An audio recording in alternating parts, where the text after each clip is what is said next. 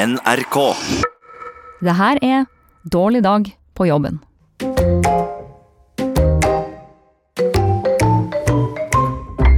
I dag skal du få treffe tre stykker som på hver sin kant har hatt en vanvittig dårlig arbeidsdag. Tre ulike yrkesgrupper er representert. Vi har en byråkrat, en lærer og til slutt en person som glemte å trykke på en veldig, veldig, veldig viktig knapp. Men først skal vi få et innblikk i byråkratiet. Og ja, det er akkurat som du tror. Ei maurtue med merkelige regler. Et enda rarere hierarki. Forvirrende høflighet. Møter, papir, håndtrykk og ledd på ledd på ledd. Mange ledd, faktisk. Ufattelig mange ledd. Og hvis det gjøres én liten feil i ett bitte lite ledd, så kan konsekvensene være større enn du aner. Du er liksom den som har skrudd litt på denne måneraketten, ikke sant? så viser det seg at du har dratt av en ganske viktig mutter. Velkommen til departementet. Og velkommen til Heidi. For 13 år siden jobber hun som saksbehandler i Justisdepartementet. Jeg husker når jeg søkte jobb, så sa de du skal jobbe som saksbehandler. Ante ikke hva det var. Jeg tror fortsatt egentlig ikke at jeg vet hva det er. Det er Du gjør alle mulige forskjellige skrivearbeid, da.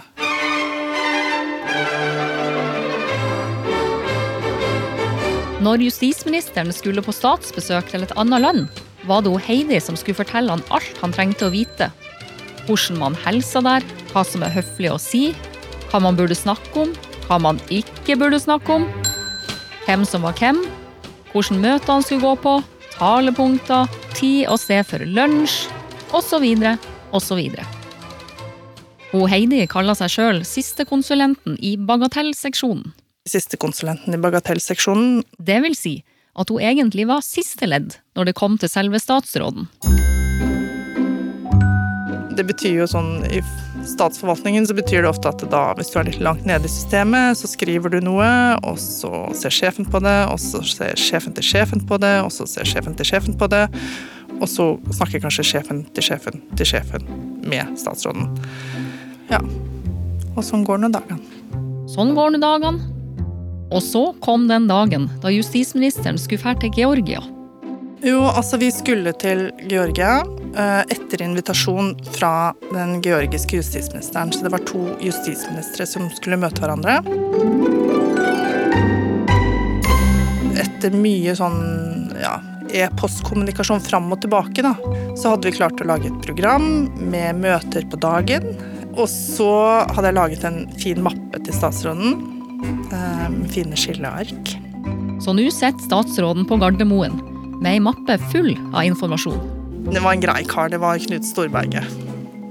Han var hyggelig? Ja, han var veldig hyggelig.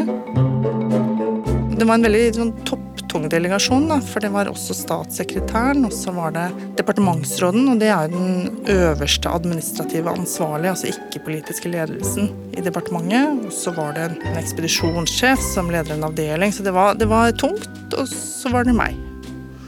Da sitter man helt stille. og så prøver man å ikke puste og ikke synes. Ja, Ganske mye å tenke på. Veldig. Sjøl om Heidi prøver å være så usynlig som mulig, er hun samtidig ei veldig viktig arbeidsmaur på denne turen.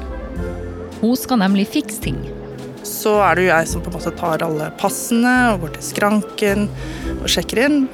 Og i Georgia fortsetter. Og da er det jo min, min jobb da liksom løpe og ta imot passene og dele ut passene til de som har det, sånn at det ikke blir unødvendig spill av sekunder av dyrbar statsrådtid. ikke sant? Og så er det å komme seg av gårde, da, og ta litt sånn den praktiske rollen. Liksom være i lead, men ikke uber-lead. Nå er det verdt å merke seg at justisministeren blir kjørt fra flyplassen i en egen bil i lag med den georgiske justisministeren. Resten av gjengen fra departementet kjører bak dem i en venn. Hvorfor dette er en viktig detalj, skal vi komme tilbake til. Men først begynner statsbesøket. De sitter i møter dagen lang. Da går de i ett på mange måter. På møtene får justisministeren en del gaver. De gavene er det Heidi som må gå og bære på. Det kan være stort, mye trevare og metall, da. ikke sant? Fliser og marmor, sånn der marmorskriveplater og sånn. Og det blir jo veldig tungkoffert, da. Ja, sånn er det bare. Og sånn holder de på. Vi er der i, i tre dager. Gikk det bra, syns du? Ja, jeg var egentlig godt fornøyd med besøket i det store og hele, det må jeg si, altså. Når alle møtene er ferdig for dagen, rekker de også å fære på noen utflukter. På en sånn tur er justisministeren i så godt humør at han kjøper seg ei lokal gjeterlue. Altså, I sånn byråkratisk kontekst da, var jo, det var et sånt slags vakkert øyeblikk når vi var, kjørte ned Vi var i fjellene i Georgia.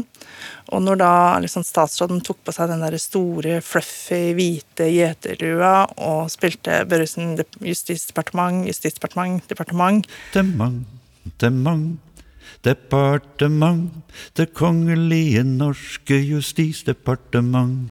Det var et sånt eh, once upon a time, altså helt sånn Kodak moment i sånn byråkrats liv, ikke sant? Departement, departement, departement.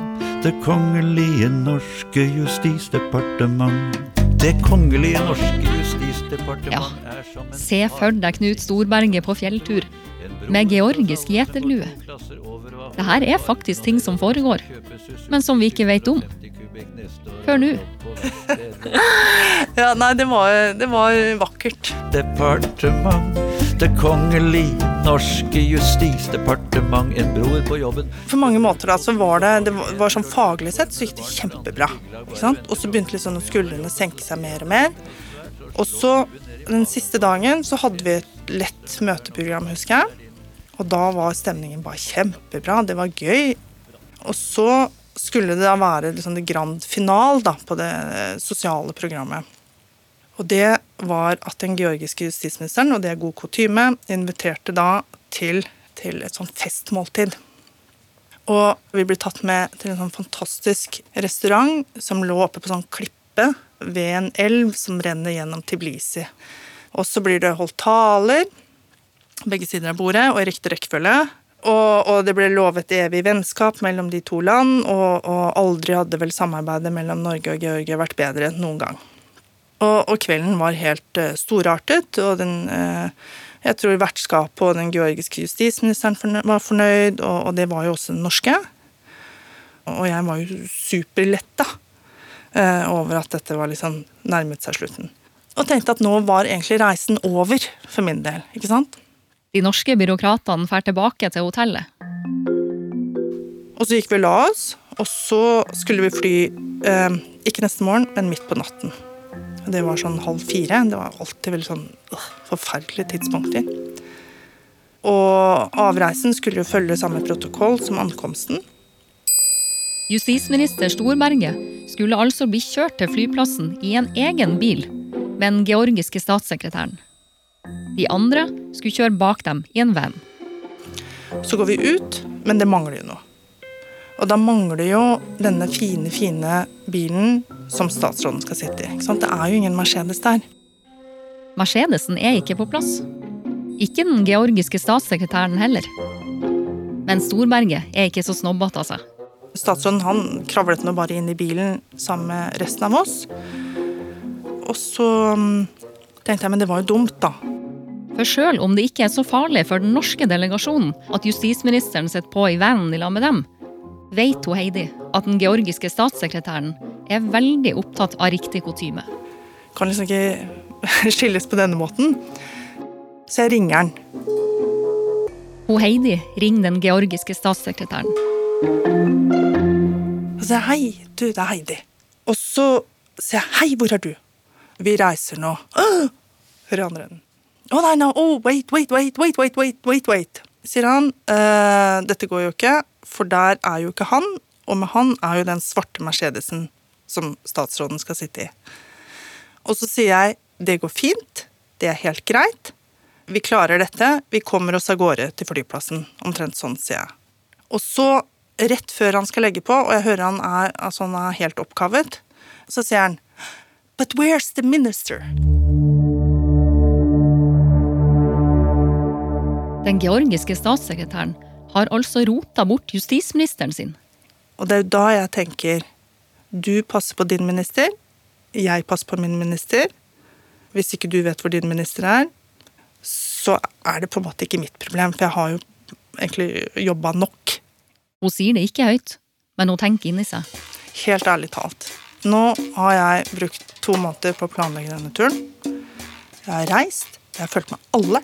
Jeg har vært på alle detaljer. Jeg har sagt at det kulepunktet statsråd behøver du ikke å si. Jeg har sagt at du kan kjøpe dokke til barnebarnet ditt der.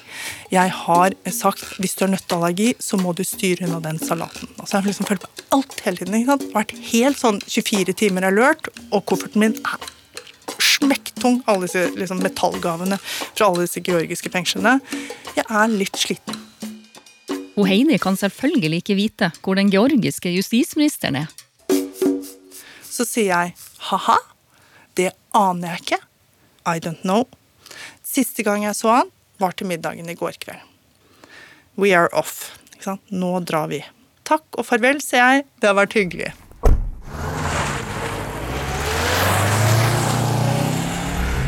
Og så kjører de til flyplassen. Hele gjengen i samme bil. Og det går utrolig fort. Helt til sjåføren plutselig får en telefon.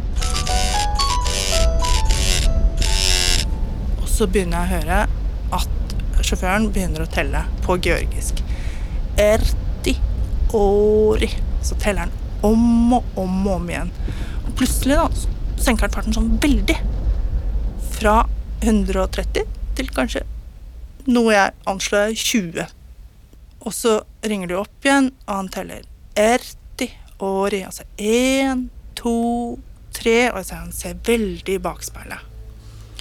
Og så plutselig så så dukker det opp veldig mye ja, politibiler, da.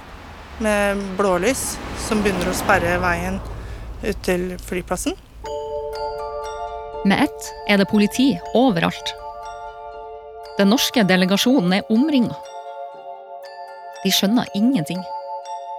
Jeg så at liksom alle gatene etter hvert som vi kjørte, ble liksom sperret av politibiler. Så, så begynte det liksom tilta en sånn anelse om at et eller annet var gærent. da. Når de endelig kommer til flyplassen, dukker den georgiske statssekretæren opp i Mercedesen sin. Og han er dritstressa.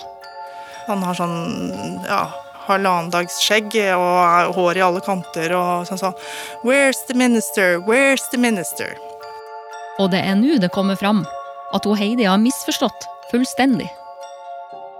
Det viser seg at min litt nonsjalante tilsvar har blitt tolket ikke sånn at jeg tar ikke ansvar for din georgiske justisminister, men det er blitt tolket som følgende ha-ha-ha. Jeg aner ikke hvor den norske justisministeren er. Så han i går til middag. Det var kjempegod stemning. Etter det har jeg ikke sett den. Ha det, og takk for meg. De georgiske myndighetene trodde at det var den norske justisministeren som hadde forsvunnet, ikke den georgiske. De har fått byråkratisk panikk. Og det er Heidis feil. Kos deg med din å finne din justisminister. Alt i orden her. Men jeg sa jo ikke at min var her. Og Heidi, som hadde prøvd å være så usynlig som mulig på hele turen, lyktes altså med å bli den mest synlige av dem alle til slutt. Når du tenker at noen andre har tulla det til. Man blir jo ikke glad. Eller jeg kan bli av og til litt glad, for da tenker jeg at det er ikke bare meg. Og det var sånn den turen begynte, at jeg tenkte å kjære vene, nå er du i trøbbel, min kjære georgiske kollega. Du har mista ministeren din.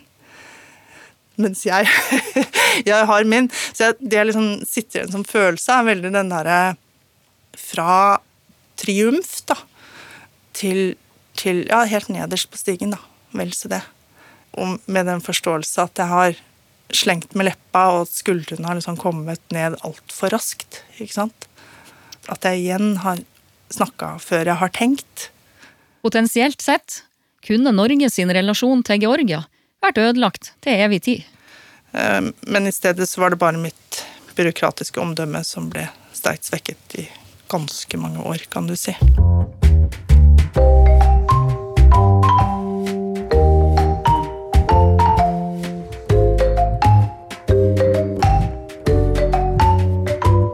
Vi fortsetter dagens tabbekvote med en lærer. Ikke så rart, kanskje, for å jobbe i skoleverket kan være en tålmodighetsprøve. Man skal banke vett inn i skolten på den nye generasjonen, enten de vil eller ikke. Og du kan jo tenke deg sjøl. Hvis du gjentatte ganger hadde masa på noen om å gjøre noe, og de ikke gjorde det likevel, hadde ikke du blitt sur da? Hallo? Ja, hallo. Jeg heter Ann-Katrine, og jeg jobber som lærer. Og Anne Katrine her har altså en av de viktigste jobbene som fins. Men det er ikke alltid så enkelt. Sjøl om elevene det er snakk om her, var ganske stor. Den klassen som jeg skal fortelle om, det, det var en tredjeklasse på videregående. Dette er 18-19-åringer. Sjøl var Anne Katrine nyutdanna. Da var jeg vel 28. Og full av livserfaring. Absolutt ikke. det var hennes første jobb som lærer. Faget var norsk, og klassen hun hadde fått, var vanskelig. Klasserommene var i ulike etasjer som lærerværelse. Det var ganske stor forskjell, så jeg tok ofte heisen. Og jeg husker ofte, jeg grua meg ofte til å ta heisen ned til den klassen. Og jeg husker at jeg tenkte på det at det var hissen til helvete. Det er en novelle som heter det. Hissen til helvete. Men hver dag må Anne Katrine ta hissen til helvete. Nei, altså det var en klasse som jeg hadde De hadde ti timer norsk, og jeg hadde seks av dem. Det var sånn påbygningsklasse. Jeg syntes det var vanskelig å være lærer, og følte at de ikke var så veldig interessert i norsk, da. Det er årets traurigste måned. November. Det er snart eksamenstid. Hissen til helvete går og går, og elevene hører ikke etter. Jeg tenkte vel sikkert at det var det viktigste i verden, det jeg snakka om. Og opplevde at de ikke skjønte at dette her var kjempeviktig, og var litt sur fordi det hadde vært eh, vanskelig å få inn lekser og innleveringer og sånn. Så, og så hadde jeg på en måte bygd seg opp litt eh, irritasjon da, fra min side med at de ikke har liksom gjorde det de skulle, leverte det de skulle, eh, gjorde lekser, eh, fulgte med i timen. Og så eh, Smell det. Jeg ble veldig sint og irritert. Og fikk liksom sånn utblåsning da, overfor klassen. Skulle fortelle dem at um, nå er det nok, liksom. Nå må dere skjerpe dere. Jeg husker at jeg sa noe sånt at når dere kommer ut etter videregående, og kommer ut i arbeidslivet, og kommer for seint og ikke gjør det dere skal, og ikke følger opplegget, tror dere virkelig at dere kan oppføre dere sånn? Hva slags mennesker er dere egentlig? Ja, jeg hadde en sånn ordentlig runde, og var nok eh, sintere enn det jeg skulle vært. Og så ser jeg utover klassen, og så ser jeg at det, det sitter en gutt helt aleine på en pult helt aleine, som begynner liksom som knekker sammen og liksom legger seg over pulten og hulkegråter. Og så skjønner jeg jo det, altfor seint selvfølgelig, at dette er jo den nye eleven i klassen. Som begynte den dagen. Hun Anne Katrine har kjefta så mye at den nye gutten i klassen sitter ved pulten og gråter. Og jeg blir jo så lei meg, og jeg bare skjønner at liksom Å nei, å nei, å nei. Nå har jeg liksom Nå har jeg fått den nye eleven til å bryte sammen. Um, og stopper jo selvfølgelig opp og går bort til han og bare tar med meg han ut på gangen. Uh, og han gråter skikkelig, liksom. Og så sier jeg bare Du, det her har ingenting med deg å gjøre, liksom. Det her var ikke retta mot deg i det hele tatt. Det, jeg beklager, liksom. Jeg, jeg ba jo om unnskyldning og var kjempelei meg og følte meg som verdens verste menneske, ikke sant. Um, prøver liksom å roe meg litt ned, da. Men det verste var jo å tenke på han som skulle inn igjen til sine nye medelever og liksom stå i det. Og det var jo midt i året, så han hadde jo på en måte dårligere forutsetninger i utgangspunktet for å komme inn i klassen og faglig og sosialt og alt, ikke sant. Så det her hadde jo ikke i hvert fall gjort noe bedre. Så jeg følte meg kjempe kjempedårlig. Det er liksom en scene fra mitt, min lærergjerning jeg, som står for meg som en sånn skrekkeksempel på hva jeg har eh, bidratt med her i verden, liksom. Ja. Jeg tenkte nok veldig mye på å bytte yrke det året der. På mange måter kan man kanskje si at Anne Katrine trykte på feil knapp den dagen i klasserommet. Å trykke på de rette knappene er en viktig ting på så mange plan her i livet. Av og til får man til og med en dårlig dag på grunn av én enkel knapp. Nå er jeg der. Nei, nei. Sånn. Er jeg det? Det her er han Hallgeir Opedal. Han er en veldig flink journalist og forfatter. Han har bl.a. jobba i Dagbladet og i Skavlan. Han har skrevet flere bøker. Men så er han også mannen som står bak podkasten som Cappelen Dam lagde for noen år siden. Bokpod. Og i Bokpod treffer han mange forskjellige forfattere og snakker med dem om skrivinga deres. Det at jeg skulle begynne med podkast, det, var- det var ganske utenkelig. For det at eh, ja, jeg har litt for lys stemme, og så har jeg en inkonsekvent dialekt. Og så har jeg dårlig diksjon. Nei. Jo. Dette er egentlig veldig beskjedent sagt, for ingenting av det er sant. Men det er kanskje en annen grunn til at podkast kanskje var et dumt valg av en Hallgeir. For nå skal vi spole tilbake til 2015. Da ville han Hallgeir ha tak i én bestemt forfatter som han kunne intervjue til Bokpod. I denne serien med forfattere så hørte jo Jo Nesbø helt selvsagt med, siden han selger så mange bøker og er så stor og god i det her krimsegmentet. Jo Nesbø. Jeg forsøkte å få fatt i han, begynte i sånn mars-april, helt i begynnelsen av hele prosjektet.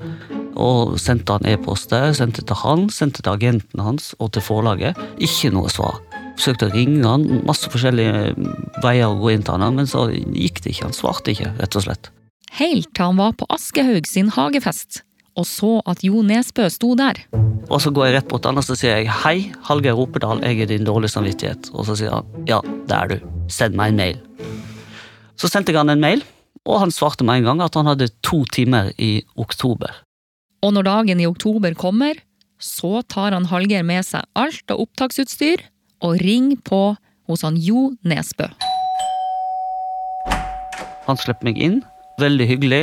Jeg rigger meg til. Det er jo svært rigg her med mikrofoner og stativ og sånne popfilter og masse, masse utstyr.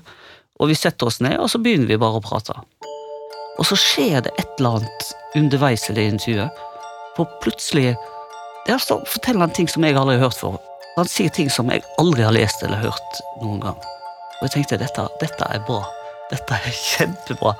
Og han bare fortsetter å levere og levere og levere om far og familie og besteforeldre og alt mulig som du ikke har hørt om. Og så tenker jeg at dette, dette er så supert, og han sier det sjøl at eh, nå blir dette veldig langt. Og så sier jeg men det gjør ingenting, for jeg kan lage to programmer ut av det. Og han bare fortsetter å prate. Så etter tre timer da, så tenker jeg at vi må runde av dette, for det, det, skal jo redigeres sammen. Uansett, så. Og jeg følte jeg hadde kommet gjennom fått alt. Så jeg sitter der med opptakeren foran meg, og så ser jeg ned på den, og så ser jeg sånn Oi, eh, skulle ikke den lyse rødt? Hmm, ja, du gjetta rett. Han Hallgeir har glemt å slå på opptakeren. Så alt som han sa, det blei mellom oss to. Du blir varm, du blir kald, du blir kvalm, og du får, du, du får sånn hjertebank, og så tenker du Har den slått seg av nettopp, eller har den ikke vært på i det hele tatt? Og jeg får helt angst, begynner å trykke på den her, og når han nå begynner å trykke på denne opptakeren, så får han tatt opp én ting. Og det er det her. Og nå har du spilt Nå har du sett så mange ganger at du veit at du ikke har det, ikke sant? Nei, jeg, jeg kan jo bare håpe det, men jeg... Du har ikke fått tatt opp noe. det, det, den stoppa et eller annet sted. Faen i helvete. Hør hvor sår han er. Nei, jeg, jeg kan jo bare håpe det, men jeg... det, er vondt å, det, er jo, det er vondt å høre på det. Det ble ekstra smertefullt fordi at jeg hadde venta så lenge på det, og var så glad for at vi fikk det til til slutt. Og at det ble så fantastisk bra. At jeg fikk noe som var helt unikt, og som dessverre Nei, ingen får høre. Det er vanskelig å sette ord på hvor vondt det er. For at du føler at du har misbrukt hans tid, ikke minst. Og så ble det ingenting, fordi at jeg, hadde dumma meg ut. Du føler deg så dum. Jeg går eh, ut og ned på toalettet hans, og så kaster jeg opp. Du spydde på dassen hans. Ja. Og så går jeg opp igjen, og så pakker jeg sammen. Og håpte jo da at jeg skulle få et nytt intervju med han. Han sa det at det, det blir nok neppe før i 2016, for det her orker han ikke. Etterpå gikk ut i gatene. Jeg var som en sånn zombie. Det var liksom som å gå i et sånn drømmareritt. Bare ting gikk forbi, og det var Alt var bare levde rundt meg mens jeg var et helt annet plass. Forferdelig opplevelse. Det endte jo ikke der, vet du. Nei, det endte ikke der. Dessverre. Han Hallgeir går hjem og sitter der og stirrer tomt ut av vinduet. Og så merker jeg at jeg får en tekstmelding. Og så går jeg ut på kjøkkenet der telefonen, jeg har lagt telefonen på lading, og så ser jeg sånn Skal vi klatre? står det i en melding. Og jeg har aldri klatra i mitt liv. Og så skjønner jeg det er jo ikke min telefon. Jeg har tatt Jo Nesbø sin telefon. Nei, det går ikke an! Du har ødelagt hele dagen, du har spydd hjemme hos han, Ja. og du har stjålet telefonen hans. Ja. Så da bestemte jeg meg. Nå jogger jeg ned til Jo Nesbø med den telefonen. Og da han, sitter han hjemme med sånn uh, Find my iPhone, et sånt søkeprogram. På skjermen sin så ser han Oi, der kommer den. Gjennom Frognerparken. Det er retning leiligheten min. Så, og jeg hører bak sånn burp, burp, søkelyd. Så jeg springer og kommer opp til han, og da skjønte han eh, Han fortalte at eh, jeg hadde en dårlig dag, for jeg hadde ikke sagt noen ting. Jeg hadde bare ringt på, han kom ned, bare levert telefonen til han uten et ord, og så hadde jeg bare snudd og gått. Ja, det her ble en ganske dårlig dag for han Hallgeir, kan man si. Jeg bare satt hjemme på kjøkkenet, stirra i veggen. Bare sånn helt apatisk. Lurte på hva skal jeg gjøre nå? Hvorfor er jeg journalist? Hvorfor begynte jeg med dette i det hele tatt? Skal jeg finne på noe helt annet? Og så kvart på tolv, da fikk jeg ingen en tekstmelding fra Jo Nesbø, og så skrev han bare Sov godt, Hallgeir. Dette ordner vi på et vis. Det var raust, altså. Det var raust. Og det berga natta mi, for da fikk jeg iallfall sove. Og så fikk jeg avtale med han fem dager etterpå, og gjorde et nytt intervju. Nytt opptak. Husk å trykke på knappen. Det ble ikke så bra, men det ble, eh, det ble iallfall et intervju. Vi lagde jo et fantastisk bra intervju forrige gang. Ja, det er vel et sånt sånn intervju som kommer til å bli legendarisk. Det er intervju som veldig få, bare to faktisk, noensinne fikk hørt. Ja, min feil.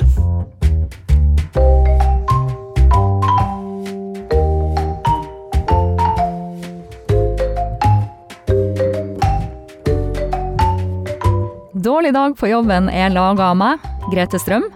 Produsent var Kjetil Saugestad, og Siril Heierdal er redaktør. NRK.